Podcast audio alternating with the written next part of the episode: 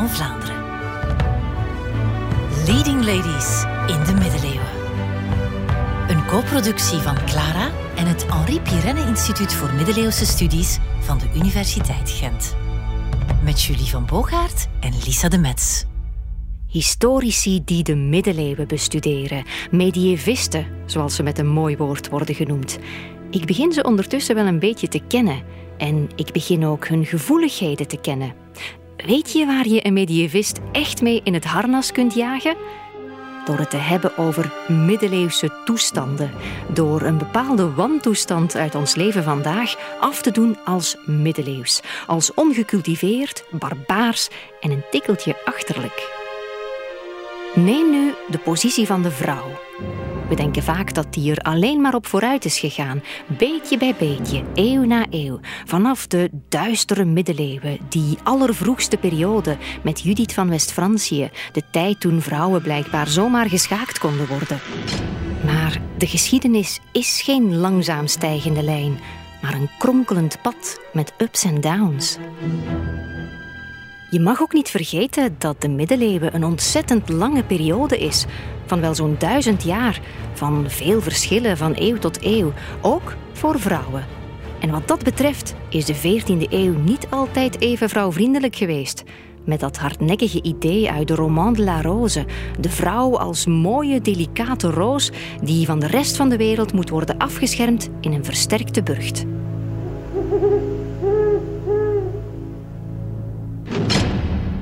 Maar tegen het einde van die waanzinnige 14e eeuw krijgen we een andere stem te horen over de positie van de vrouw.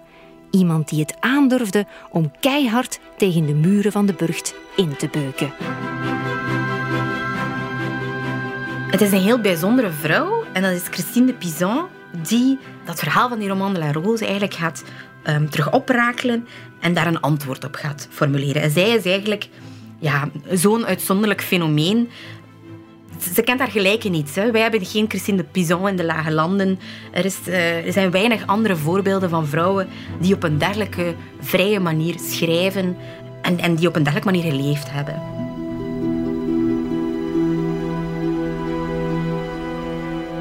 Christine Pizon is uh, geboren in 1365 en is afkomstig uit een Italiaanse familie.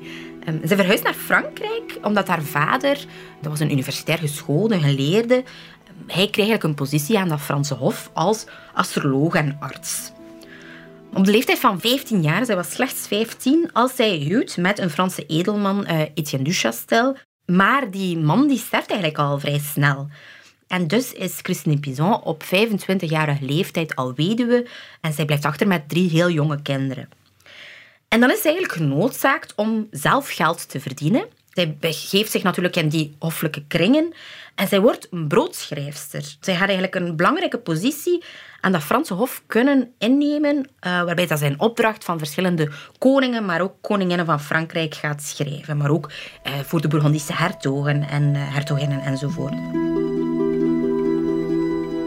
Waarom is Christine Pizan zo uniek? Omdat zij een van de weinige middeleeuwse schrijfsters is die van het schrijven haar beroep maakt. En zij deed dat daarboven niet in genres die traditioneel met vrouwen in verband worden gebracht.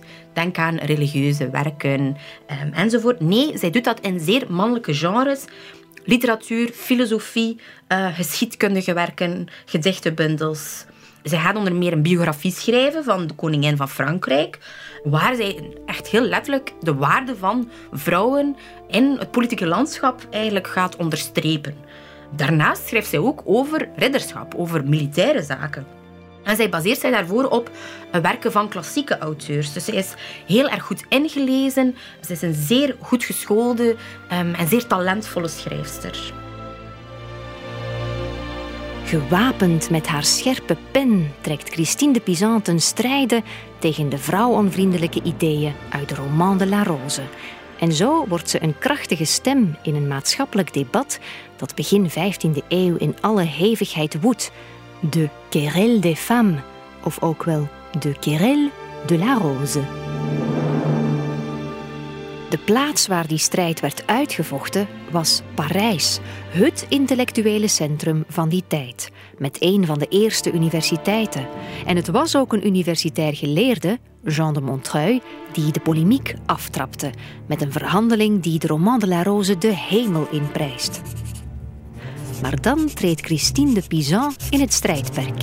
Christine Pizan die gaat erop reageren. En zij reageert daarop met een open brief, een hele lange open brief, waarin ze zegt, kijk, de Roman de la Rose dat is het slechtste werk dat ooit is geschreven. Het is immoreel, het is misogyn en het is echt obscene. En op dat moment worden dus echt in de literaire wereld van Parijs op dat moment twee kampen gevormd, waarbij in de loop van enkele maanden eigenlijk verschillende brieven worden uitgewisseld. Aan de ene kant heb je de rodofoben, en Rodo staat voor roos, dus de mensen die niet voor Roman de la Rose waren, waaronder Christine de Pizan eh, en enkele andere invloedrijke geestelijken van de universiteit. Aan de andere kant had je de rodofielen, dus de mensen die wel uh, de roman La Rose als belangrijk literaire werk beschouwden. En dan had je natuurlijk die Jean de Montreuil en nog een aantal andere invloedrijke geestelijken. Maar met zo'n pennetwist is de strijd nog niet gestreden, vindt Christine de Pizan. Na al dat gebekvecht komt ze met haar hoogste troefkaart op de proppen, haar absolute meesterwerk, Cité des Dames, Stad der Vrouwen. Daarin gaat Christine de Pizan rechtstreeks in de aanval tegen de Roman de la Rose, met gelijke wapens, want ze gebruikt dezelfde literaire vorm als de Roman de la Rose, die van het droomvisioen. Maar deze keer is het geen mannelijk hoofdpersonage dat in slaap valt, maar een vrouw. Christine de Pizan zelf. In haar droom wordt ook zij bezocht door allerlei allegorische figuren, maar die sporen haar niet aan om een burg te bouwen, maar een hele stad, de ideale stad. En dat is een stad van vrouwen.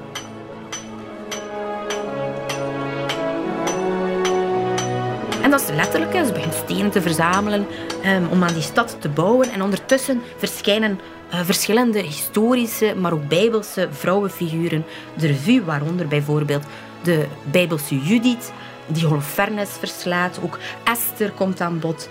Um, de Amazonen uh, die passeren daar. Maar ook een heleboel Franse vorstinnen worden eigenlijk geëerd in haar werk. En haar boodschap is zo ook heel duidelijk. Hè? De ideale stad, ons gedeeld verleden, is gebouwd op de daden van hele grote en belangrijke vrouwen. Een krachtig weerwoord tegen de roman de la Rose. En reken maar dat het gelezen werd. En heus niet alleen door vrouwen. Bijvoorbeeld, de Burgondische hertogen hadden heel wat van die eh, handschriften hadden haar werk in, in uh, hun bibliotheek in zeer luxueuze, geïllumineerde exemplaren, die nog steeds in de Koninklijke Bibliotheek bewaard worden. Maar ehm, in de loop van de 15e eeuw wordt haar werk ook naar het Nederlands vertaald en wordt het ook gelezen in Brugge, waarbij een Brugse hoveling en ook een burgemeester van Brugge, Jan de Baanst, hij bestelt eigenlijk een mil-Nederlandse versie, een mil-Nederlandse vertaling um, van die Cité des Dames, van die Stad der Vrouwen. Christine de Pizan is in haar eigen tijd een toonaangevende auteur. En ook na haar dood wordt ze niet vergeten. Tenminste, haar werk wordt niet vergeten. Dus wat gebeurt er na haar dood? Dan zien we dat dat auteurschap van Christine Pizan een beetje in twijfel wordt getrokken. En dat lezen we ook letterlijk in um, die Nederlandse vertaling.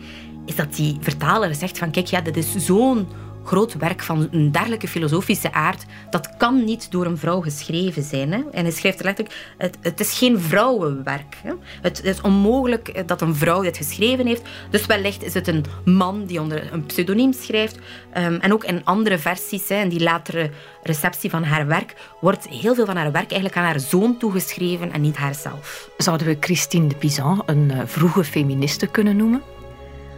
Christine Pizan wordt vaak als proto-feministe. Eh, dat is een term die vaak voorkomt. Ja, zij is een soort voorloper van die uh, feministische beweging uit uh, de late 19e, vroege 20e eeuw. Um, zij is door die ja, beweging ook wel echt opgerakeld. Als van, kijk, ja, in de middeleeuwen had je ook zo'n vrouw die schreef. En wat schrijft hij allemaal? Die schrijft fantastische dingen over de vrouw. Maar je ziet ook wel, als je die teksten van haar leest, ja, dat zij, ze, schrijft voor een bepaald doelpubliek. Hè, en dat is het Hof, het Franse Hof. Ehm, en alles past daarin. Hè. Zij schrijft eigenlijk vanuit haar eigen perspectief. Dus zij gaat ook heel erg negatief schrijven over andere vrouwen. Hè. Ze schrijft negatief over de lagere klassen. Zij zegt wel, kijk, mijn werk is voor alle vrouwen uh, bedoeld. Hè. En op een bepaald moment schreef zij ook, ja, uh, misschien heb je het als, als uh, boerin wel makkelijker dan als uh, edeldame. mag je meer keuzes maken enzovoort. Maar eigenlijk was zij wel negatief over die plattelandsvrouwen. Hè, want ze leefde zelf natuurlijk in, in de stad en het hof.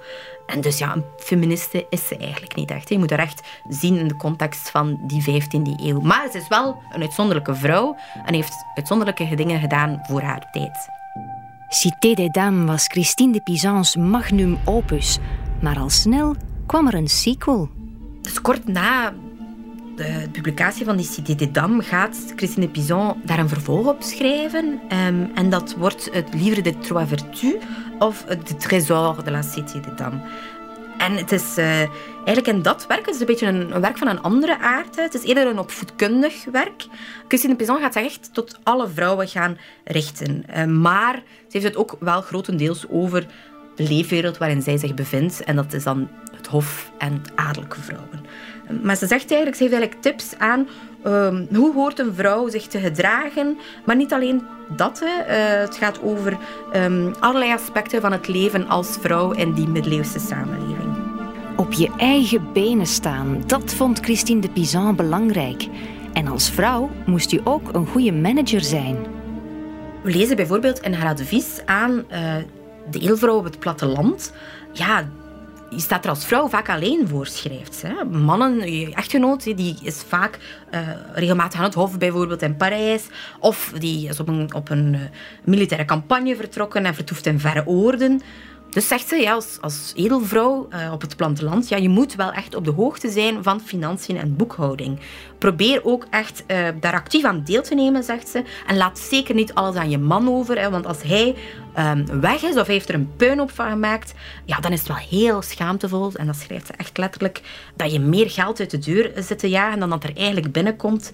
En dat er uh, ja, onbetrouwbare crediteurs uh, aan jouw deur staan. Hè. Dat is toch wel, dat hoort niet hè, bij een adellijke dame.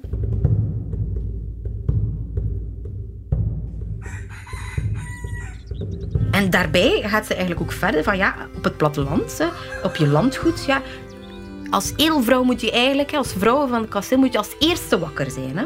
Langslapers duldt ze duidelijk niet. En ze zegt, ja, de edelvrouw staat als eerste op, is het vroegst uit de veren. Want natuurlijk, je moet je eh, werkvolk, en ze schrijft echt letterlijk, het van nature luie werkvolk uh, controleren.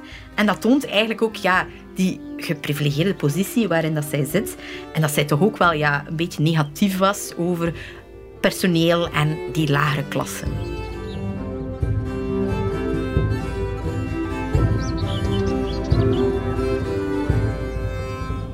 Het boek van de drie deugden, het Livre des Trois Vertus, dat gaf meisjes en jonge vrouwen levenslessen mee en het leerde hen hoe ze zich moesten gedragen.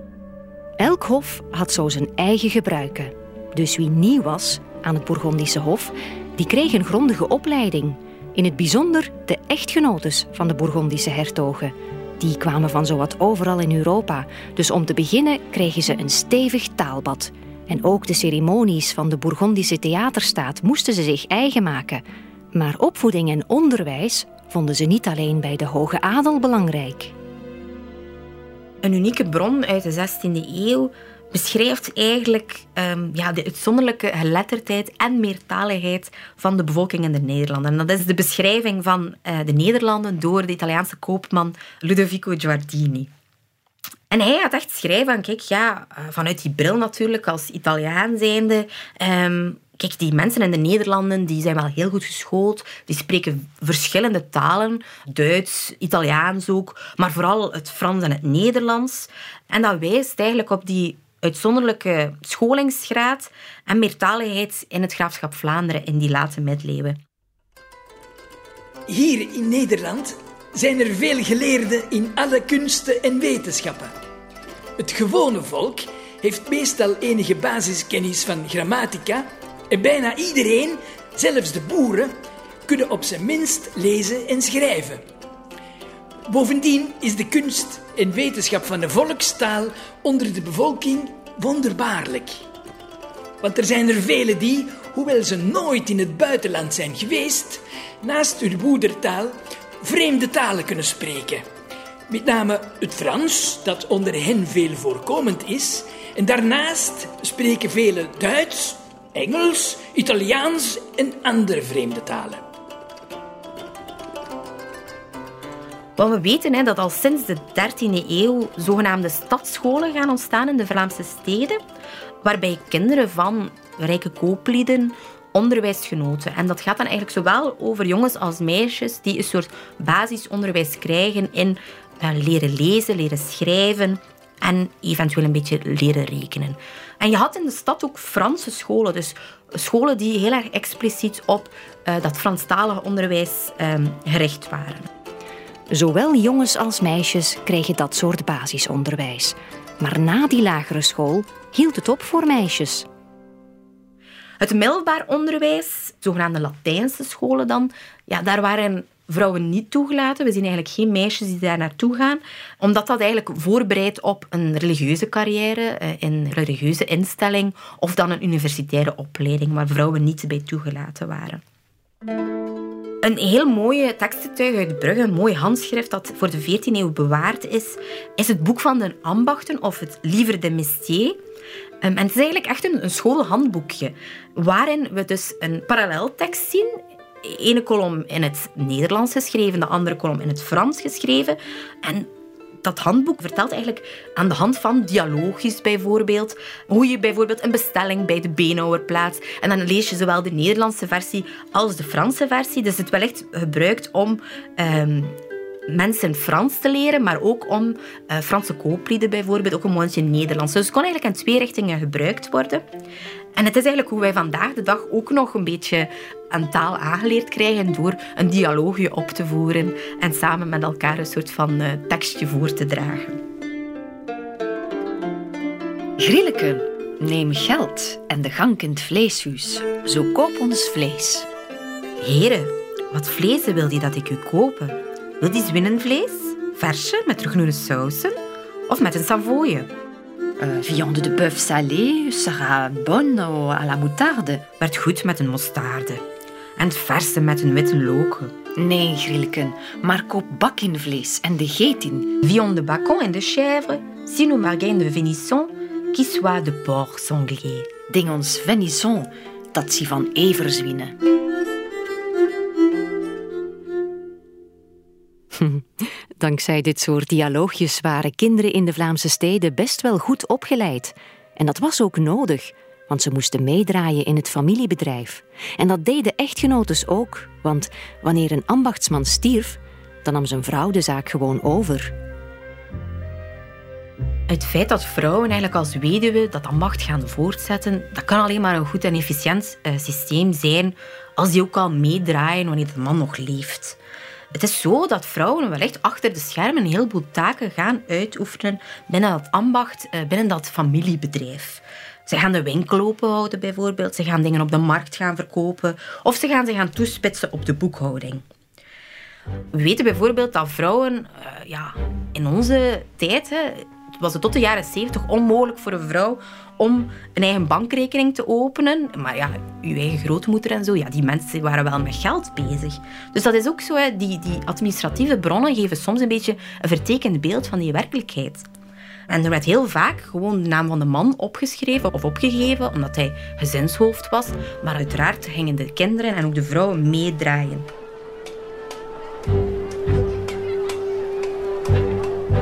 Middeleeuwse vrouwen hadden in onze contrij wel een relatief goede en vooraanstaande positie en ook een zelfstandige positie. Zo hadden dochters eigenlijk gelijke erfrechten als zonen en konden vrouwen ook onafhankelijk um, gaan uh, handel drijven. Dan konden ze ook het statuut van koopvrouw gaan verwerven. Het is natuurlijk zo dat het eigenlijk vooral gegoede vrouwen zijn in de stad van een zekere rijkdom, die natuurlijk ja, de belangrijkste positie en het meest welvarend en de meeste vrijheid hadden. De sterke aanwezigheid van vrouwen in de stad is ook onze Italiaanse koopman opgevallen. De Italiaanse koopman, die dus zijn beschrijving van de Nederlanden aan het maken is in de 16e eeuw, ja, die, die kijkt natuurlijk vanuit zijn eigen perspectief als Italiaanse man naar onze contraire. En die is heel erg verbaasd over hoe vrouwen zich hier gaan gedragen. Um, en hij zegt, ja, kijk, vrouwen die handelen. Maar die handelen in verschillende betekenissen. Die drijven handel, die staan op de markt. Maar ook in de figuurlijke betekenis van, ja, kijk, ze zijn zeer zichtbaar in de stad, ze bewegen zich vrij. En hij zegt zelfs, uh, ja, ze doen eigenlijk dingen die de mans aanaan. Dus die in Italië doorgaans door de man worden gedaan. En daardoor, doordat ze eigenlijk vooral economische zaken doen, dingen die eigenlijk mannen horen te doen, zijn vrouwen in de Nederlanden en het graafschap Vlaanderen zeer vlijtig van tong, zegt hij. Eigenlijk moeten, uh, zouden de mannen beter een beetje uh, ja, hun zaken op orde stellen. Hè? Want die vrouwen die hebben wel zeer veel te zeggen en daardoor zijn ze soms wat brutaal uh, en durven ze hun stem ook te laten horen. De vrouwen van Nederland zijn zeer sober, bezig, altijd in de weer. Niet alleen met huishoudelijk werk, waar de man zich niet te veel van aantrekt, maar ook met koopmanschap, het kopen en verkopen. Daarnaast zijn ze naarstig in de weer, met zowel handen als tong, in zaken die eigenlijk de man aangaan. Met zo'n behendigheid en vlijtigheid dat op veel plaatsen de mannen de vrouwen alles laten regelen. Vrouwen lieten zich zien en horen in de Vlaamse steden, maar er was één domein waarvan ze uitgesloten bleven: de stedelijke politiek. Een vrouw kon eigenlijk niet in het stadsbestuur worden verkozen. Ze kon geen baljuw zijn. Ze kon niet in de Raad van Vlaanderen en het gerechtshof gaan zetelen. Het is enkel eigenlijk op het politiek niveau van het graafschap bijvoorbeeld, als vorstin, dan zie je wel vrouwen. Maar niet bijvoorbeeld in de stad als burgemeester of schepen. Vrouwen mochten dan wel geen politiek ambt bekleden. Dat hield hen niet tegen om toch aan politiek te doen, op een informele en indirecte manier. Dat zien we heel goed wanneer het fout loopt in de stad wanneer er opstand uitbreekt. Vrouwen gingen op andere manieren eigenlijk deelnemen aan opstanden. En vaak eh, gebeurde dat door kleinere acties. Dus niet door, zoals de ambachtsmannen uh, met de vaandels, de grote markten gaan bezetten. Nee, wat deden zij? Zij gingen liedjes zingen in kroegen bijvoorbeeld, schunnige liedjes, waarin dat de schepenen van de stad beledigd werden bijvoorbeeld.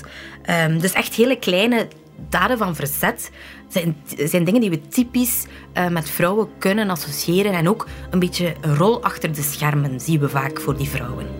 Maar van achter de schermen konden vrouwen best wel nog veel invloed uitoefenen. Die indruk krijg je toch wanneer er in 1437 midden op de grote markt van Brugge een schokkende politieke moord wordt gepleegd. En het brein achter die moordaanslag was een vrouw.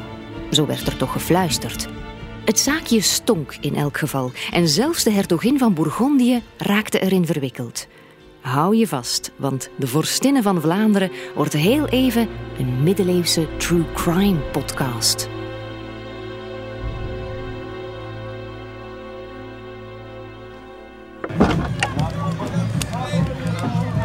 Het is druk vanavond in Brugge. De herbergen zitten afgeladen vol, maar gelukkig hebben we nog een tafeltje kunnen bemachtigen in een van de ruigste kroegen van de stad. Er wordt stevig gedronken, gedobbeld, gezongen of misschien eerder gelald. Er worden loesje zaken gedaan en hevige discussies gevoerd, die af en toe wel eens uit de hand durven te lopen. Maar plots kijkt iedereen op, want de deur van de herberg zwaait open en in het deurgat staat Vincent de Skeutelare, een belangrijke leider van de opstandelingen. Ja, we zijn in het jaar 1437 en toen was de stad Brugge in een opstand verwikkeld tegen de hertog van Bourgondië, tegen Philips de Goede. En Vincent de Skeutelare, die is vanavond niet naar de kroeg afgezakt om wat stoom af te blazen. Nee, hij is daar om handlangers te ronselen. Vechtersbazen, hoe ruwer, hoe liever. Want hij heeft een vuil werkje op te knappen. Hij trekt van herberg naar herberg om er het grootste uitschot van Brugge te gaan opvissen. Heethoofden voor in zijn knokploeg. En met dat zootje ongeregeld trekt Vincent naar de grote markt van Brugge. En daar gebeurt het. Daar wordt Mauritius van Varsenaren in een hinderlaag gelokt en vermoord. geen willekeurig slachtoffer natuurlijk, want Mauritius van Varsenaren is de burgemeester van Brugge.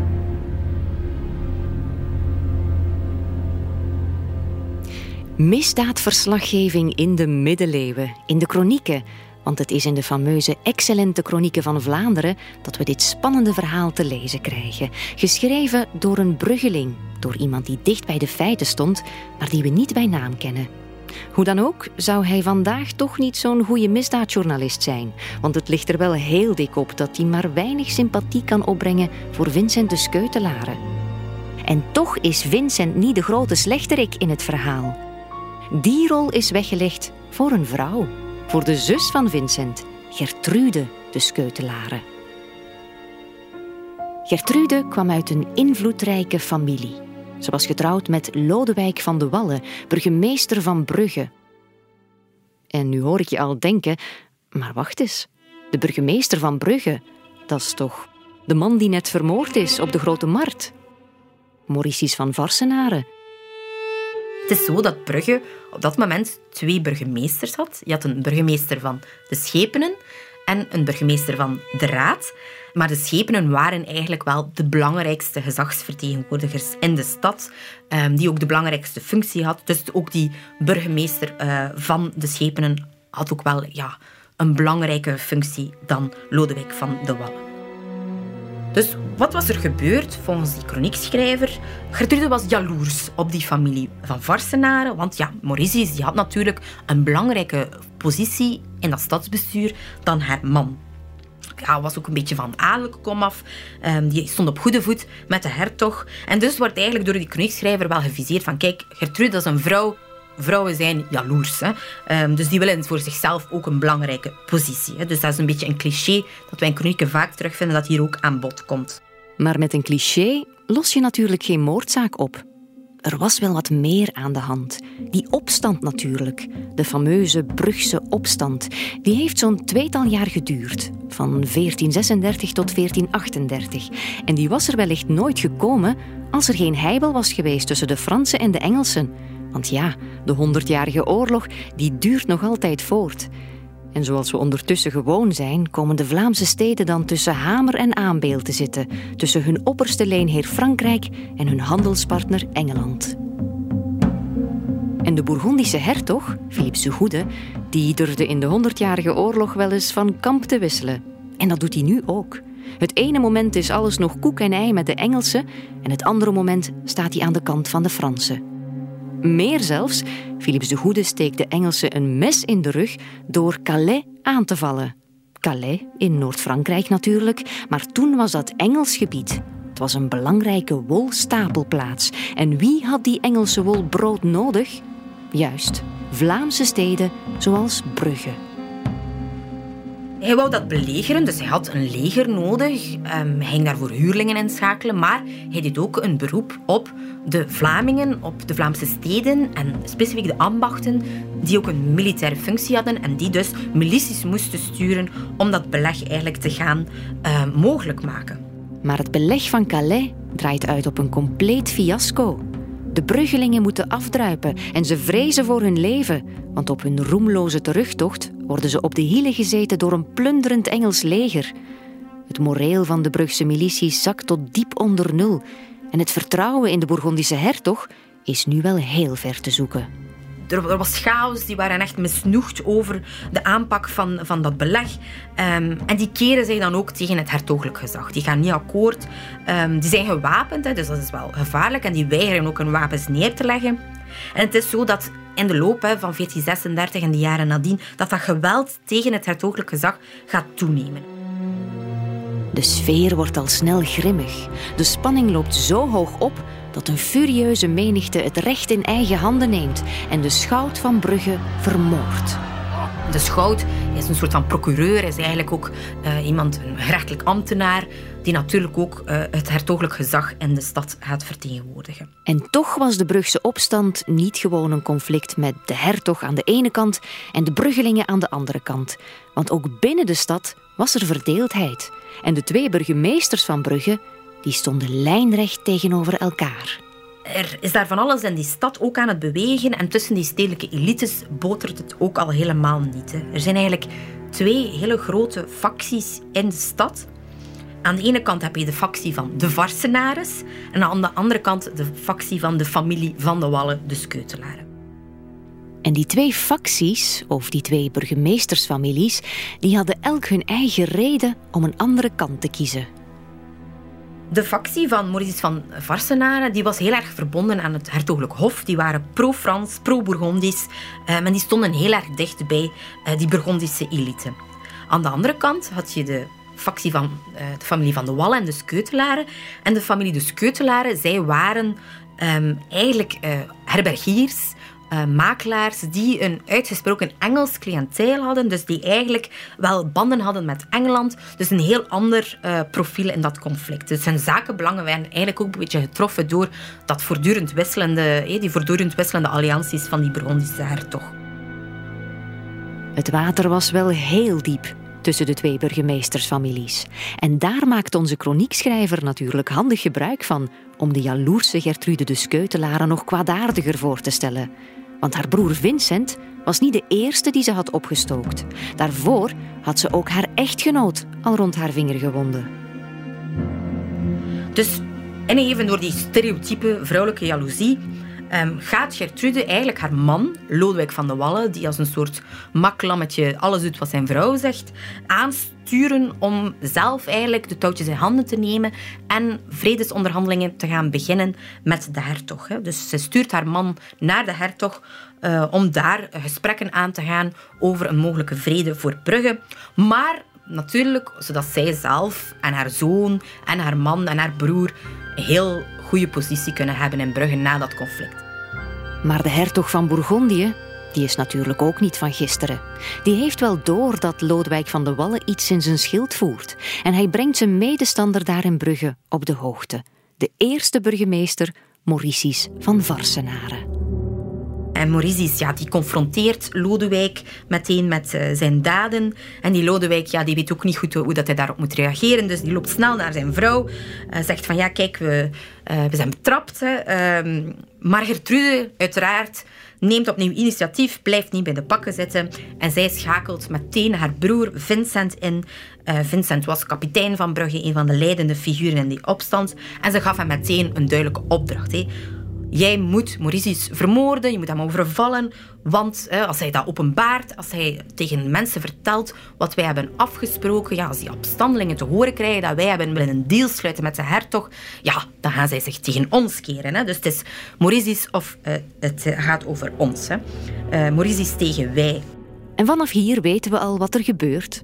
Want hier komen we Vincent de Skeutelaren tegen, in die ruige kroeg in Brugge, op zoek naar vechtersbazen die samen met hem het plan van zijn zus willen uitvoeren: Mauritius van Varsenaren vermoorden.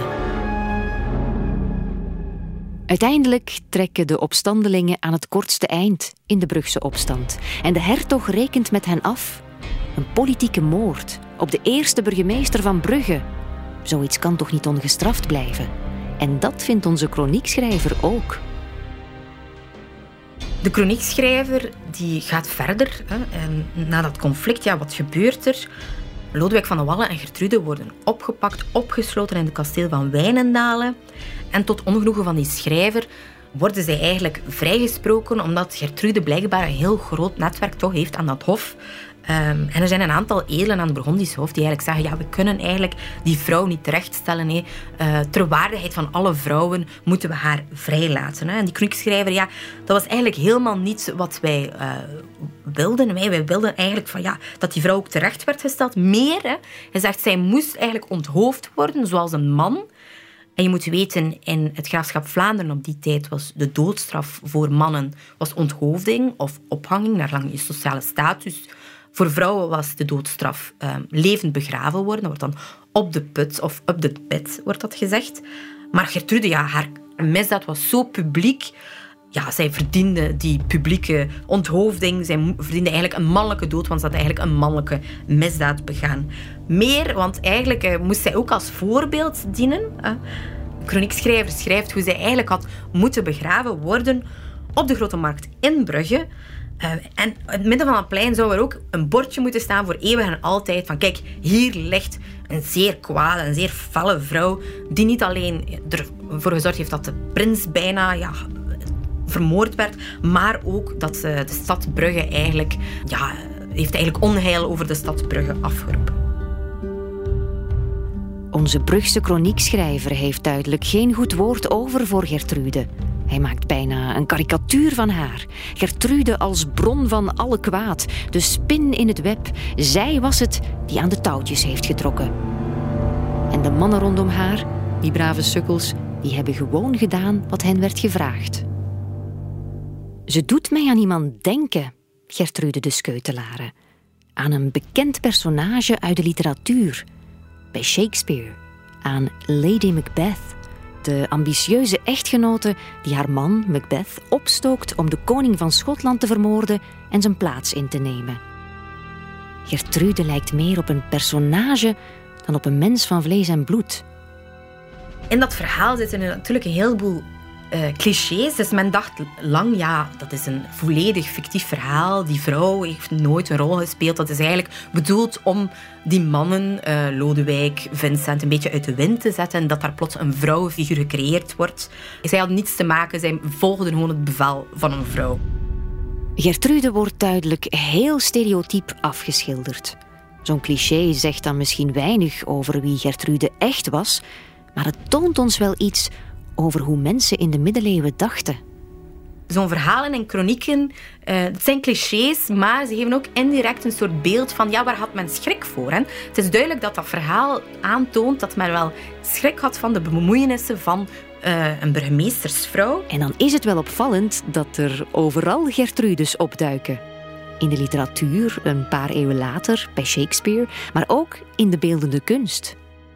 Het stereotype van de vrouw als aanstookster is natuurlijk iets wat in de middeleeuwen verschillende keren terugkomt. Uh, en dat is natuurlijk een cliché, maar een cliché dat ook iets zegt over reële angsten in die samenleving. En dat zien we heel erg goed in uh, andere casussen. Dat, dat komt niet alleen in Brugge voor, maar als we even naar het hertogdom Brabant verhuizen in Leuven, de schepenbank van Leuven, op een bepaald moment gaan die een justitiepaneel bestellen. Dus een justitiepaneel, dat hangt eigenlijk in de schepenbanken, maar dat uh, is vaak uh, een verwijzing naar hoe hoort een, een, een raadsman of een schepen zich te gedragen, zijn waarschuwingen. Vaak is dat het laatste oordeel bijvoorbeeld. Je moet recht spreken, dus je moet dat op een correcte manier doen.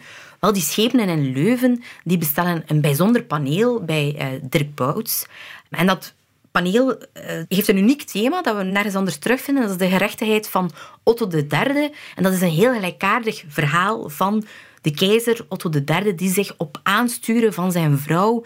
Op een aansturen van zijn vrouw gaat hij eigenlijk een graaf valselijk ter dood veroordelen. En dan moet de vrouw van die graaf allerlei proeven doorstaan, waarbij eh, ze dan toch de onschuld van haar man kan bewijzen.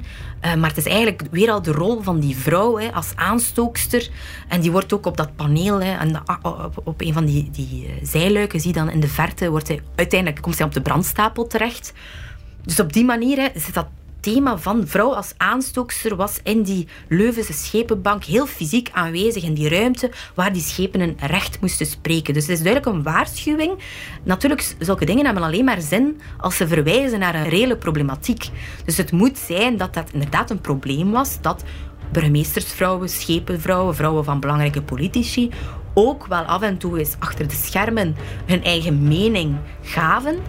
Um, en dat natuurlijk werd dat een relevant thema binnen die uh, schepenwereld, binnen die politiek van de steden. Je kan het vrouwen zoals Gertrude ook niet kwalijk nemen dat ze geïnteresseerd waren in politiek, dat ze erover praten met hun echtgenoot of met hun broer. En als ze zelf niet mochten deelnemen aan de politiek, dan kun je toch wel begrijpen dat ze misschien via de mannen in hun leven toch probeerden om iets te veranderen aan de samenleving waar ze deel van uitmaakten. Dat Gertrude in dat netwerk van Brugse opstandelingen een rol heeft gespeeld, dat kan ik me heel goed voorstellen. Maar dan misschien wel niet de stereotype rol van de boosaardige aanstookster, zoals de kroniekschrijver ons wil laten geloven.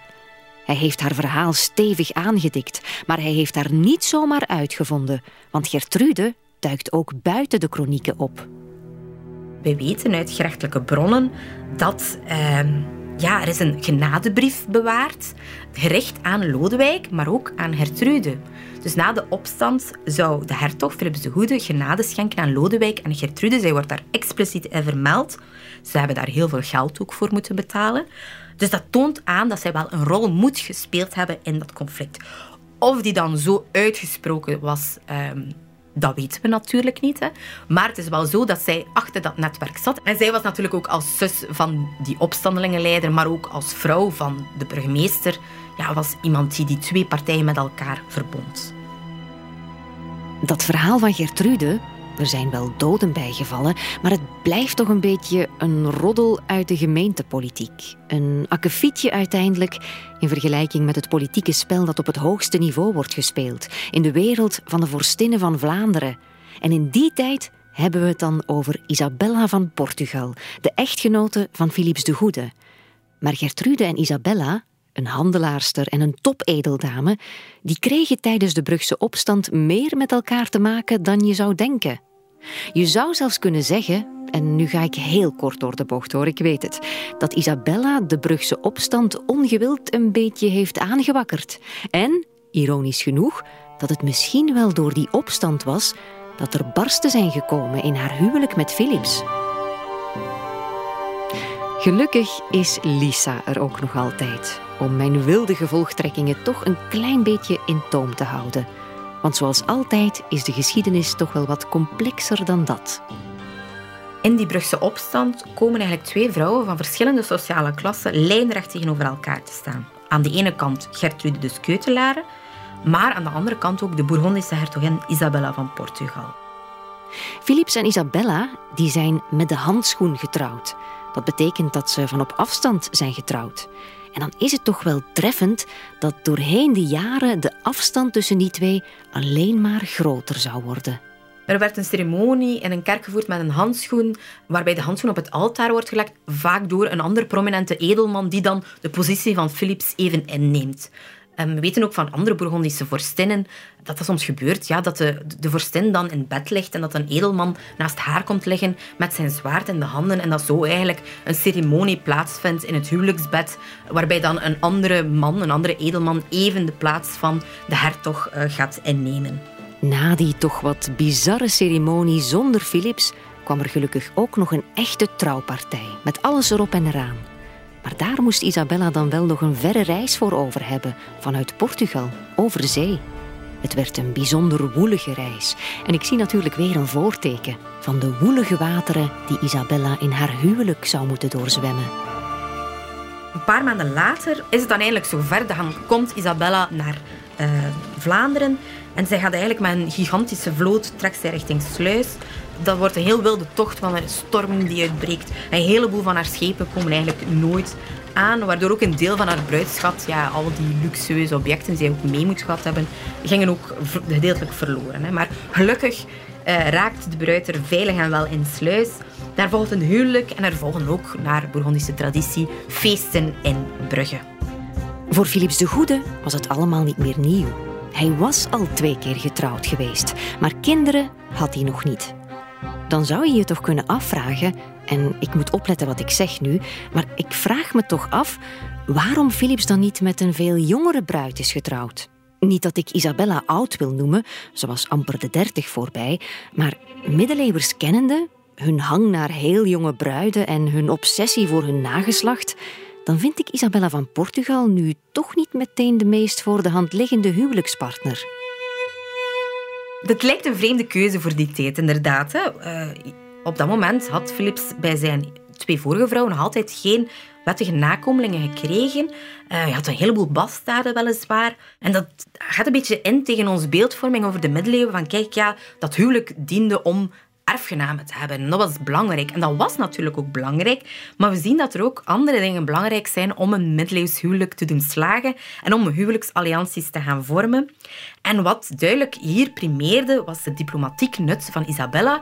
Want Isabella was de dochter van een Engelse prinses, van die Philippa van Lancaster. En dus ja, was zij een heel belangrijke en welberekende partner voor Philips. Zou het dan toch niet een beetje pijn hebben gedaan aan Isabella's Engelsgezinde hart toen haar man de Engelsen de rug toekeerde in de Honderdjarige Oorlog en toen hij de kant van de Fransen koos? Ze liet het in elk geval niet merken, want dat fameuze beleg van Calais, daar heeft Isabella een belangrijke rol in gespeeld. Weet je nog hoe verbitterd de bruggelingen van die mislukte operatie zijn teruggekeerd? Wel, alsof dat allemaal nog niet erg genoeg was, kreeg het debakkelen in Calais nog een staartje, dankzij Isabella van Portugal. Het is Isabella die aan de Brugse militie specifiek, zo schrijft de excellente chronieke, de opdracht geeft, kijk, trek naar Sluis, want ondertussen is er ook een Engelse vloot in Sluis aangekomen uh, en jullie moeten daar Sluis gaan versterken en de zwinmonding helpen uh, verdedigen tegen die Engelse vloot. Maar in Sluis weten ze van niks. De Brugse milities komen aan bij Sluis. Uh, en natuurlijk, de kapitein van Sluis die ziet eigenlijk daar een gigantische troepenmacht bruggelingen op hem afkomen. En Sluis en Brugge, dat lag al helemaal niet goed in die tijd. Die kwamen al helemaal niet goed overeen.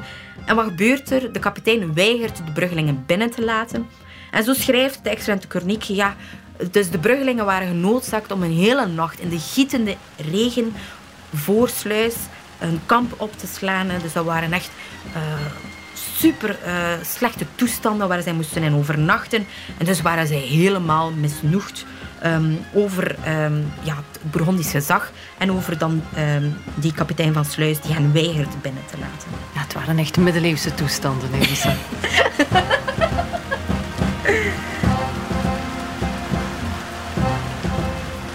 Eerst de vernedering bij Calais en dan nog een tweede opdoffer voor de poorten van Sluis. Je zou er voor minder opstandig van worden. Het is in die hooggespannen sfeer dat in Brugge het eerste dodelijke slachtoffer valt. Je weet nog wel, uit het verhaal van Gertrude de Skeutelare, de moord op de schout van Brugge. En ook voor Isabella komt het geweld nu wel heel dichtbij. Op dat moment eh, bevindt Isabella van Portugal, de Bourgondische hertogin, zij ook in Brugge. En enkele dagen na die moord probeert zij uit Brugge te ontsnappen, uh, samen met haar zoontje Karel. En zij doet dat in een koets. En in haar koets zit er ook een deel van haar uh, hofhouding, waaronder de echtgenote van uh, de heel gehate kapitein van Sluis. Um, maar die koets wordt onderschept um, en die vrouwen worden geïntimideerd en zelfs bedreigd. Maar ook Philips de Goede wordt hard aangepakt door de Bruggelingen. Hij ziet zich genoodzaakt om naar Brugge af te zakken. Want ja, de stad was zonder burgemeester komen te zitten. Ook die is ondertussen vermoord. Mauritius van Varsenaren, zogezegd op aanstoken van Gertrude de Skeutelare. Hij moet daar natuurlijk een nieuwe burgemeester aanstellen, want ja, er moet een nieuw gezag hersteld worden in Brugge. Maar als Philips dacht dat hij dat klusje snel even zou klaren, en passant onderweg naar Holland, waar hij nog andere katten te geestelen had, dan zat hij toch goed fout.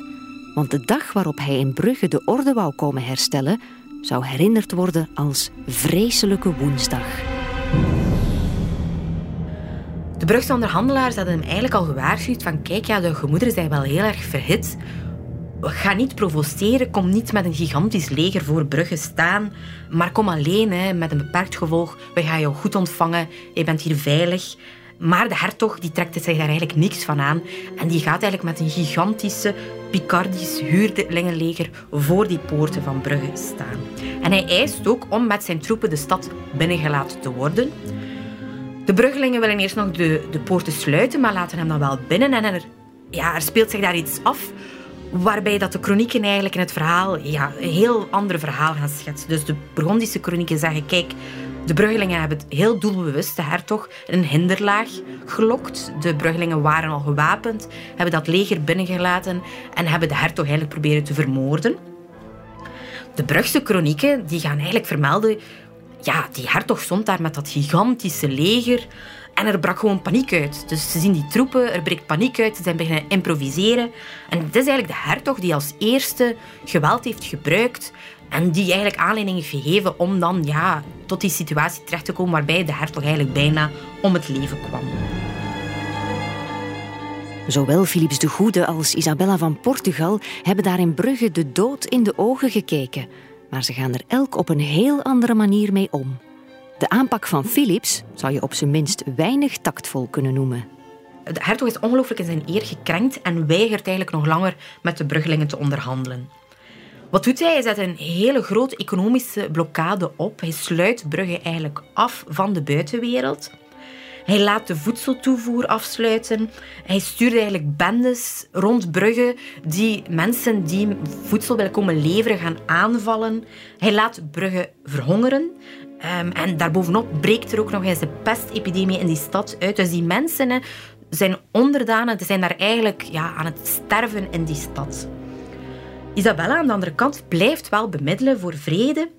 En wanneer dat Brugge dan uiteindelijk wel zich overgeeft, ja, nadat ze niet anders kunnen natuurlijk, omdat ze worden uitgehongerd, gaan de Bruggelingen Isabella willen betalen voor het kleine incidentje met de koets, waarbij ze haar persoonlijk hebben bedreigd. Maar Isabella zegt nee, ik eh, heb dat niet nodig. Ze weigert eigenlijk dat bedrag eh, dat de Bruggelingen haar persoonlijk willen betalen. Haar echtgenoot, Philips, die gaat wel heel zware herstelbetalingen aan de stad gaan opleggen. Heel nobel toch van Isabella. Maar ook aan haar groothartigheid zijn er grenzen, zo blijkt.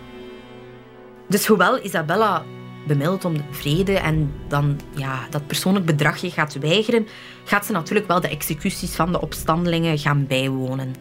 Je merkt wel dat Isabella van Portugal niet braafjes aan de zijde van haar man is blijven zitten, maar dat ze actief heeft deelgenomen aan alles wat er zich in hun gebieden afspeelde, dat ze dat samen hebben gedaan. En het lijkt wel alsof Isabella na haar interventies in Brugge de smaak helemaal te pakken heeft. We zien dat na 1438, ehm, dus na het einde van die Brugse opstand, wanneer haar man druk in de weer is met oorlogsvoering, dat de hertogin zich echt als ware diplomaat gaat ontpoppen en ook gaat regeren. En ze wordt eigenlijk ook wel een beetje de minister van Financiën van het graafschap en het hertogdom. Um, ze gaat zich echt bekommeren om de financiële situatie van alle hertogelijke domeinen. En we zien dat eigenlijk in een correspondentie met de, de rekenkamer van Rijssel, dus het bestuur, de rekenkamer, dat ze in Rijssel gevestigd was en dat ja, regelde eigenlijk alle financiën uh, van het graafschap. En de hertogin die correspondeert echt met die rekenkamer om ervoor te zorgen dat alle hertogelijke domeinen wel goed eh, gefinancierd werden en goed beheerd werden.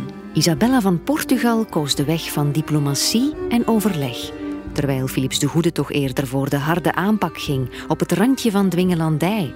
Hun regeerstijlen lagen ver uit elkaar, maar dat maakte hen misschien net complementair als vorstenpaar. Maar waren ze ook een goed echtpaar? Philips en Isabella konden bijzonder goed met elkaar vinden. Ehm, ze zagen elkaar heel erg veel. Weten dat in de eerste jaren van hun huwelijk ze eigenlijk zo 50% van de tijd bij elkaar waren. Dat was best veel voor die tijd, want met alle opstanden en militaire campagnes kon het wel eens voorvallen dat een vorstenpaar elkaar eigenlijk niet zo heel vaak zag. Maar de hechte band tussen Isabella en Philips, die lijkt gaandeweg toch wel wat te verwateren. En dat zou wel eens de schuld kunnen zijn van die verdomde Brugse opstand. Na die opstand reizen uh, Philips en Isabella heel wat minder samen. Um, en dan wordt eigenlijk ook wel aangegrepen om te zeggen, ja kijk, hun contacten verwateren. Ze kunnen het steeds minder goed met elkaar stellen. Maar het is natuurlijk ook zo dat de hertog wel een aantal andere dingen aan zijn hoofd had. Hè. Natuurlijk, hij moet dat conflict gaan beslechten, de oorlog in Holland. Dus hij was met een aantal andere zaken bezig, waardoor ze elkaar gewoon minder gingen zien. Een gevolg is ook van het feit dat ze minder samen waren, is dat het aantal buitenechtelijke affaires van de hertog weer gaan toenemen. En ook dat wordt aangegrepen om te zeggen, ja kijk, het contact tussen de hertog en de hertogin verslechtert. Uh, Philip zou haar slecht behandelen uh, en haar vernederen door eigenlijk uh, buitenechtelijke relaties aan te gaan met allerlei verschillende vrouwen. Dat klopt niet helemaal, dat beeld. Want de hertogin die had eigenlijk heel goede contacten onderhouden met de meeste van haar ja, pluskinderen, kunnen we ze bijna noemen. Ze correspondeerde met verschillende bastaardzonen die natuurlijk een heel prominente positie aan dat hof hadden. En heel wat bastaarddochters werden gewoon in haar hof opgenomen en ze ging die ook gaan opvoeden samen met haar eigen zoon. Dus het idee van ja, dat koppel, er zijn al die bastaarden, dus dat is een relatie die niet goed werkt. Het is een beetje onze moderne visie op een middeleeuwse relatie. En we moeten ook echt in functie van die tijd zien, waarin dat erg normaal was, dat wanneer de hertog van huis was, dat hij natuurlijk een aantal relaties onderhield. En dat doet eigenlijk niet niet aan het feit dat Isabella en Philips ook, ondanks het feit dat ze elkaar niet meer zoveel zien, wel een heel goede band blijven hebben. Niet alleen over de relatie tussen Philips en Isabella is er al veel inkt gevloeid, ook over de band tussen Philips en zijn zoon valt er wel een en ander te vertellen. Op vlak van kinderen heeft het koppel toch met een aantal grote tegenslagen te maken gekregen. Hun eerste twee kinderen, twee jongetjes, die zijn al op heel jonge leeftijd gestorven.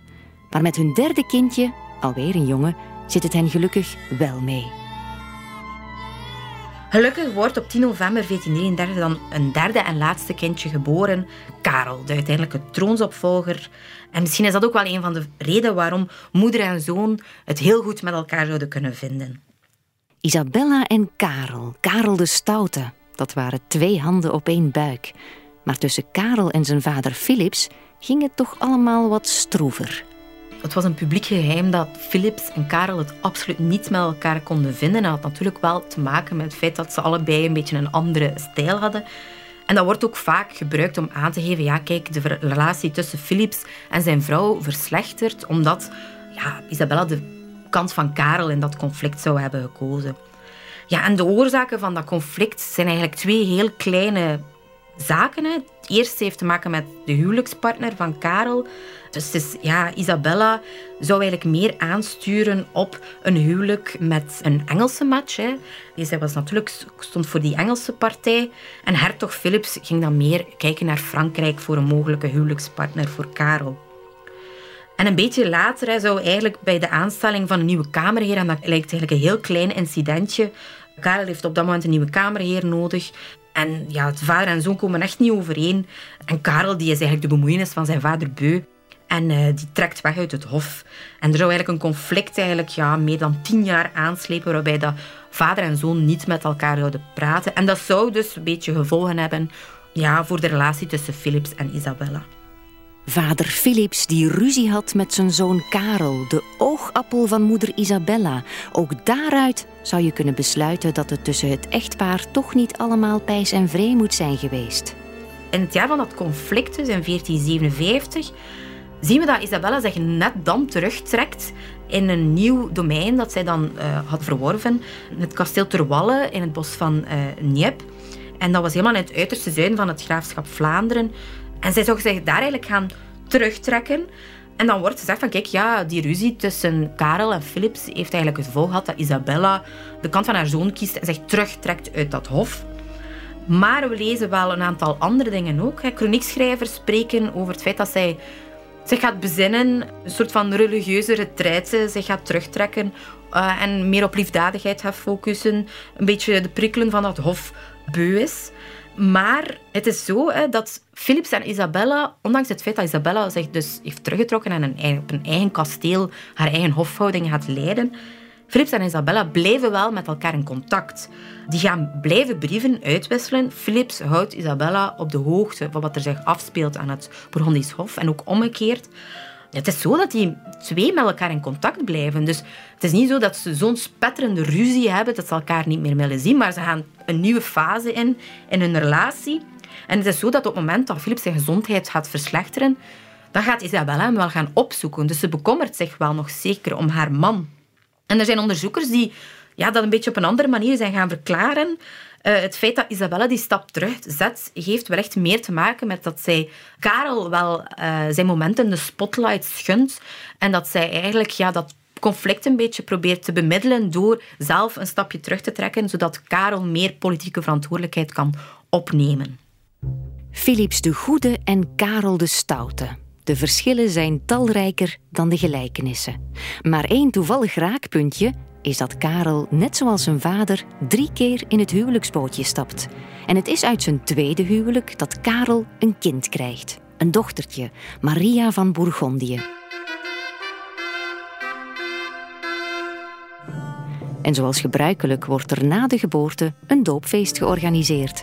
Maar daarop zijn er twee opvallende afwezigen. Om te beginnen de moeder van het kind.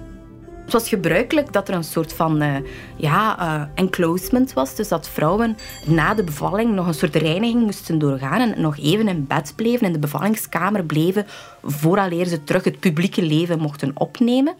En dus is het zo dat zeker bij die ja, vorstelijke dames die moeders niet aanwezig zijn bij het doopfeest. En dus er een veel grotere rol is weggelegd voor de doopmeter en doopbeter.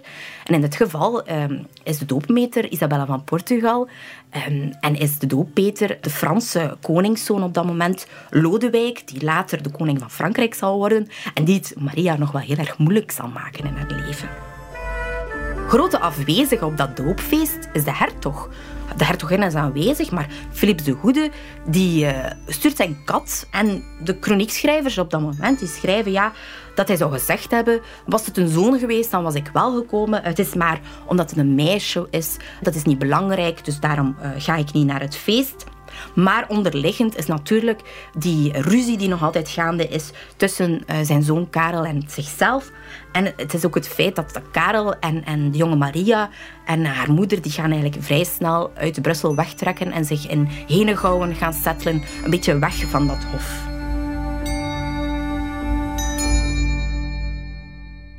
Een geluk dat dat meisje in haar doopkleed het allemaal zelf niet heeft beseft. Dat ze maar zo lang mogelijk kind mag blijven en zorgeloos mag zijn want ze zal later nog genoeg kopzorgen hebben, dankzij de man die haar zo net boven de doopvond heeft gehouden, de Franse kroonprins. Maar die kleine weerloze baby, die zullen we in de rest van ons verhaal zien uitgroeien tot een zelfbewuste vorstin met een heel moderne regeerstijl, die van een echte prinses van het volk.